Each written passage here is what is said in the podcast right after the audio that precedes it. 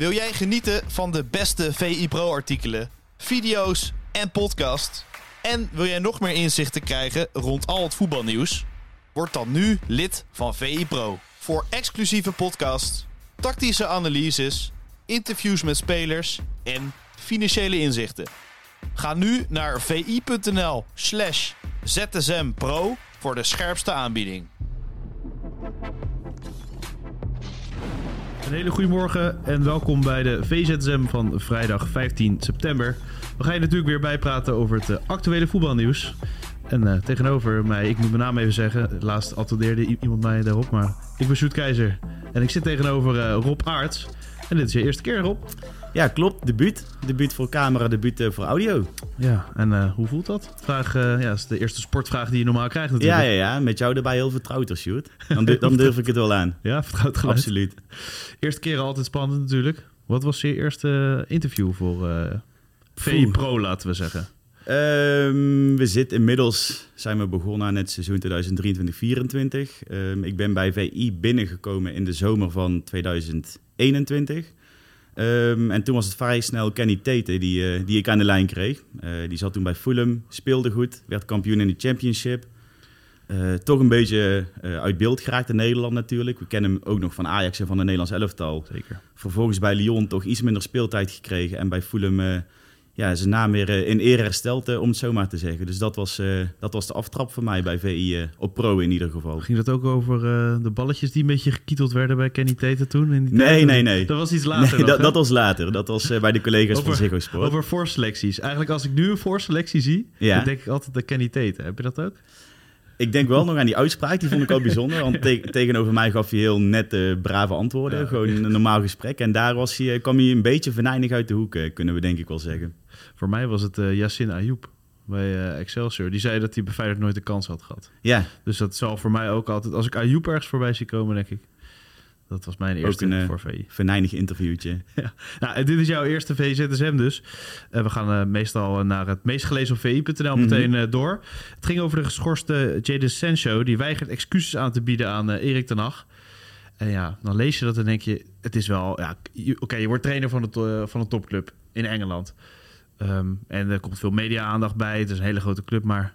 Zoveel gezeur, dat had je toch niet verwacht in je, eerste jaar, denk ik. Of ja, tweede jaar inmiddels. Tweede middels inderdaad, maar het gaat niet helemaal lekker eh, daar met het spelersbeleid inderdaad. Ehm, ik denk dat Ten Hag ook zelf in een heel moeilijke positie zit. Ik bedoel, hij krijgt het voor de kiezen en eh, dan moet je toch denken, ga je een speler beschermen? Wat wordt er van binnen de club gezegd? Welke adviezen krijgt hij? En ja, dat is iets waar wij natuurlijk geen inkijkje in, eh, in krijgen. Eh, feit is wel dat zowel Anthony als Sancho niet bij de selectie zit tegen Brighton eh, dit weekend.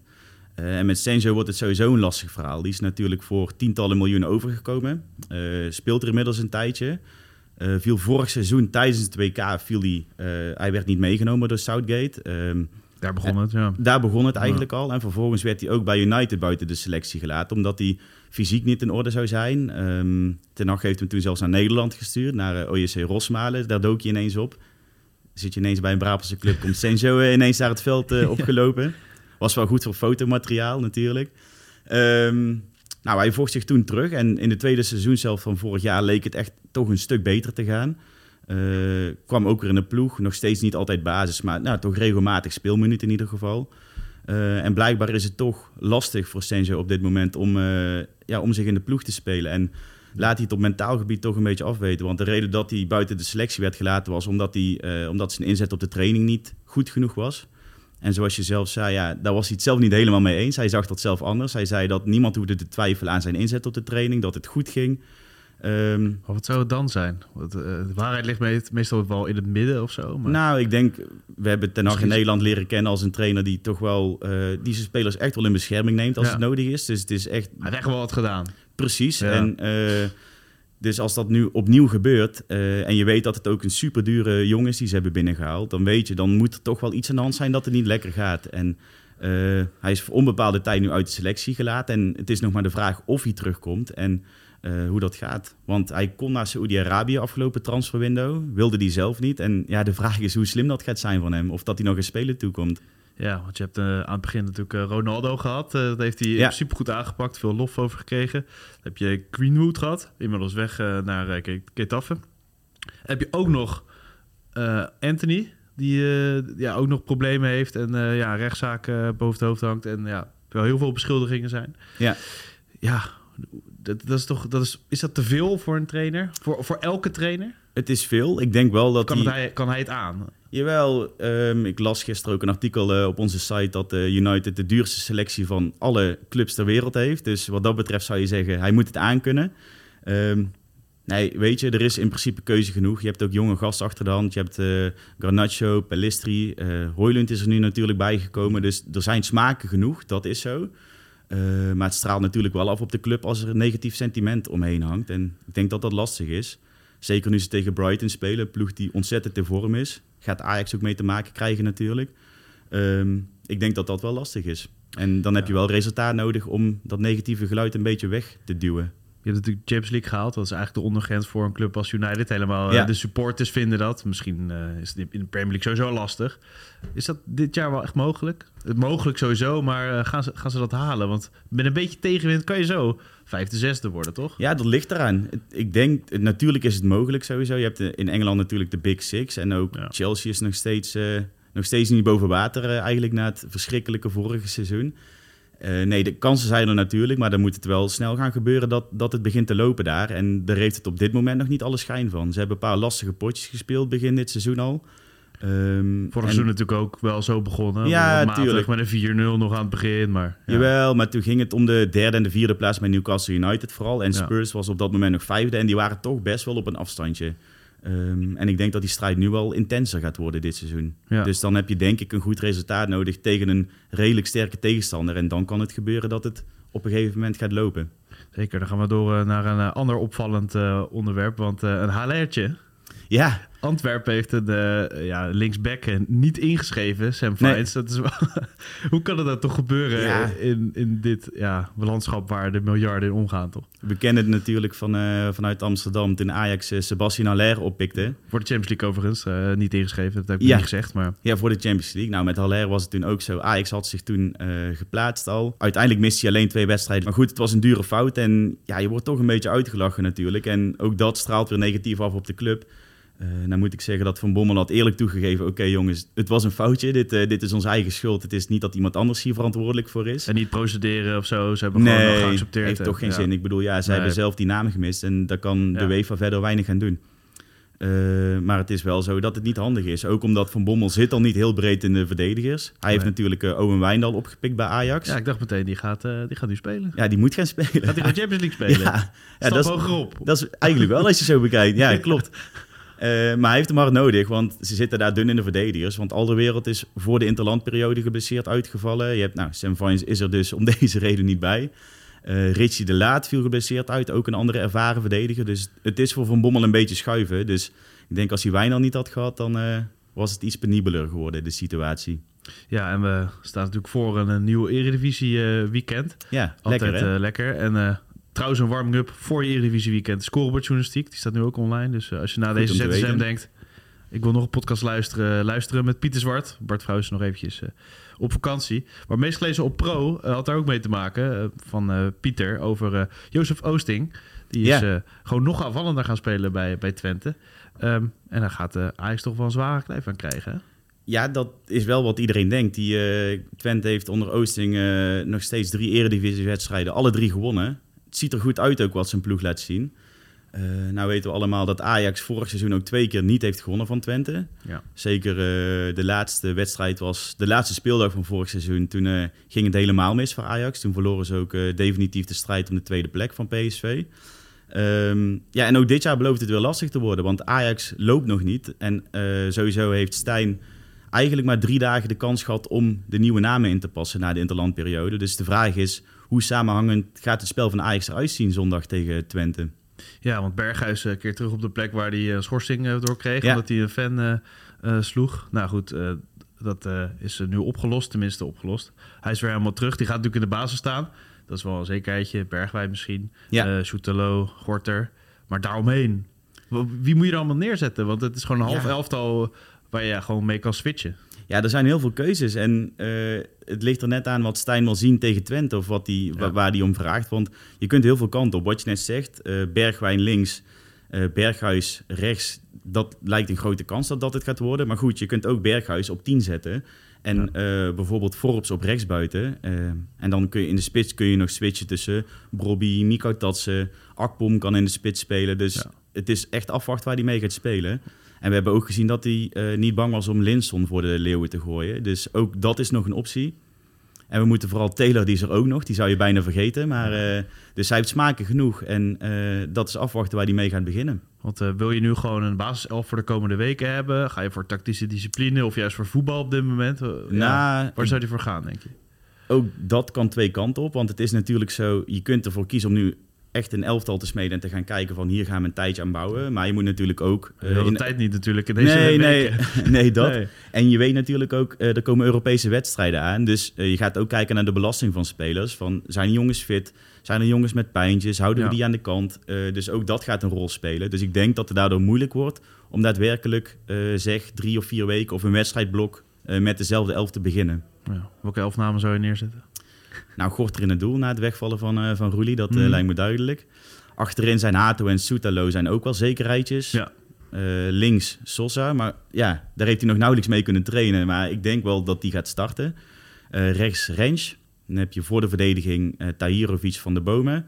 Wat ik net zei, Bergwijn links, Berghuis denk Ja. ik rechts. En nummer 10 en spits. Ja, dat mag jij zeggen, Sjoerd. Ik weet het niet. Ik durf het echt niet te zeggen. En Broppie misschien wel. Zou best kunnen.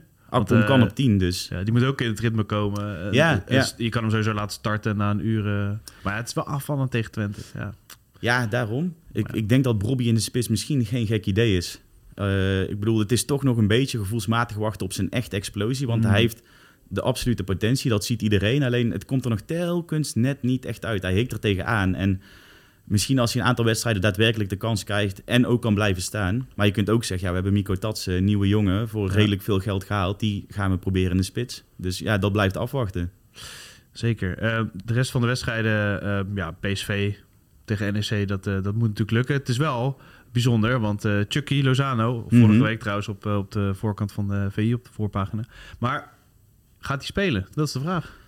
Eh, dat is zeker de vraag. Met Bos eh, weet je nooit natuurlijk. Ik denk dat tegen NEC Bakayoko nog de voorkeur krijgt op, eh op rechtsbuiten. Die ja, een veelbelovende speler ook natuurlijk. En, als de statistiek ook stijf bovenaan. Ja, precies. En de, de match met de Jong is natuurlijk heel goed. Zijn voorzet en het hoofd van de Jong, Ja. dat, dat loopt wel.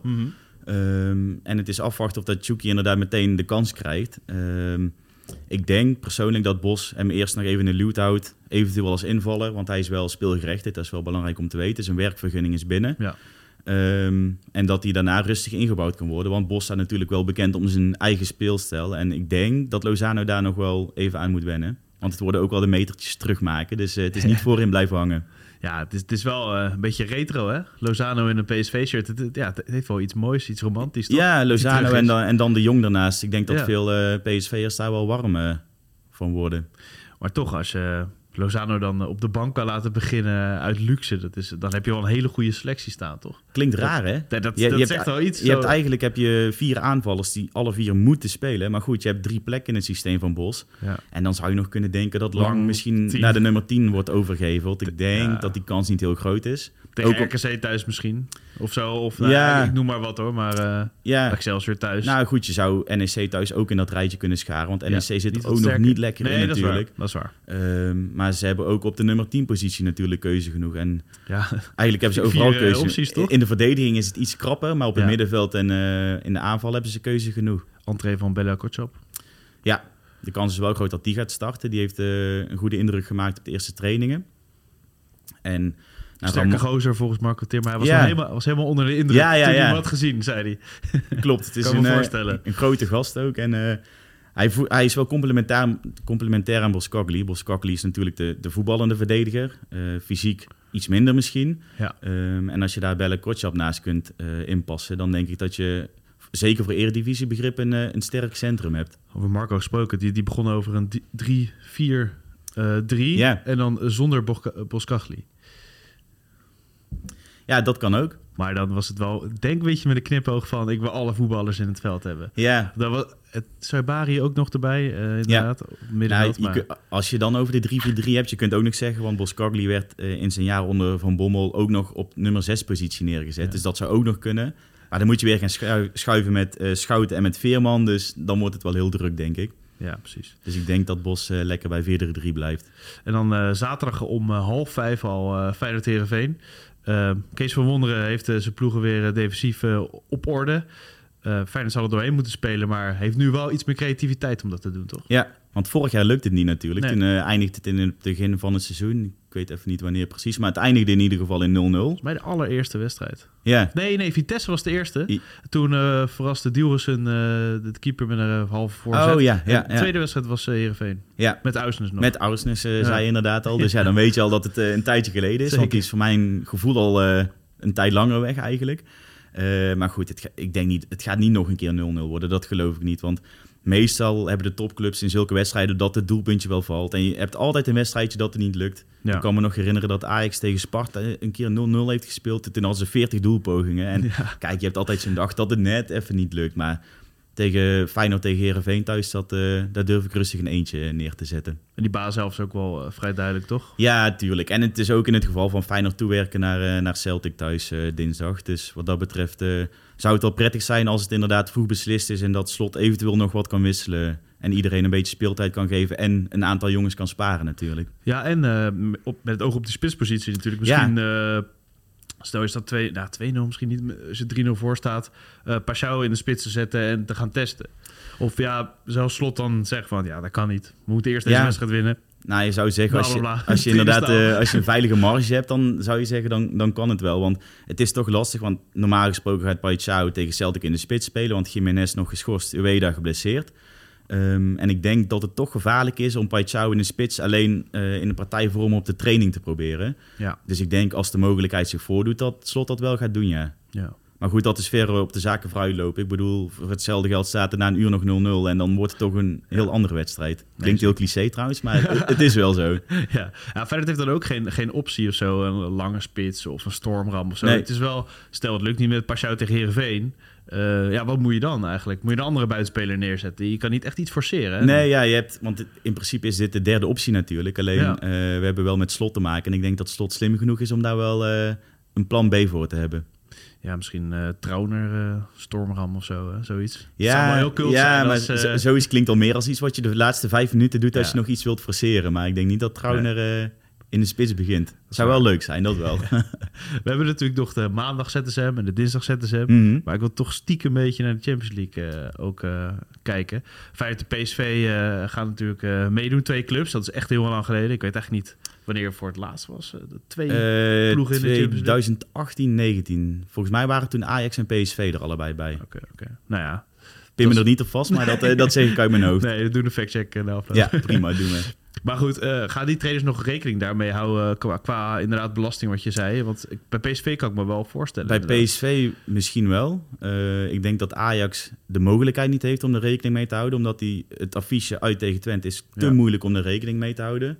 Tenzij het onverhoopt heel goed gaat. Of ja, wel gehoopt voor Ajax natuurlijk. Maar tenzij het onverwacht heel goed gaat.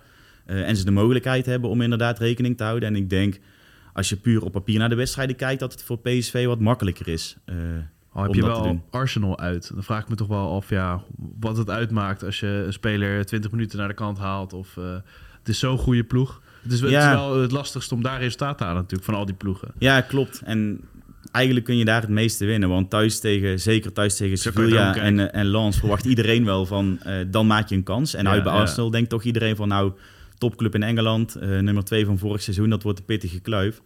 Ehm, de- ja, dat wordt lastig. Maar wel echt een fantastische voetbalweek hè. Sowieso de Eredivisie. Absoluut. eh, ja, in dit geval, ik wil het nooit zeggen, een beetje opwarmetje ook Ja, eh, ja, ja. voor de Europese week toch? Want je kan elke dag kan je Europees voetbal gaan zitten kijken. Ja, dat, Van maar ook... Dinsdag, woensdag, donderdag. Het begint natuurlijk wel dit weekend al, want met de Eredivisie is al lekker. Want Ja. het dringt toch een beetje rondom het Nederlandse elftal. Hing een beetje chagrijn, dus het is wel lekker om nu vol positiviteit weer naar het weekend te kijken. En ook in het buitenland heb je wel echt lekkere wedstrijden. Wat we net al zeiden met United tegen Brighton bijvoorbeeld. Wel echt om naar uit te kijken. Je hebt eh, Inter tegen AC Milan in de Serie A. Dus, eh, en vanavond hebben we nog eh, Bayern München tegen Leverkusen. Dus eh, ik weet niet wat jij te doen hebt dit weekend, maar ja, helemaal niks.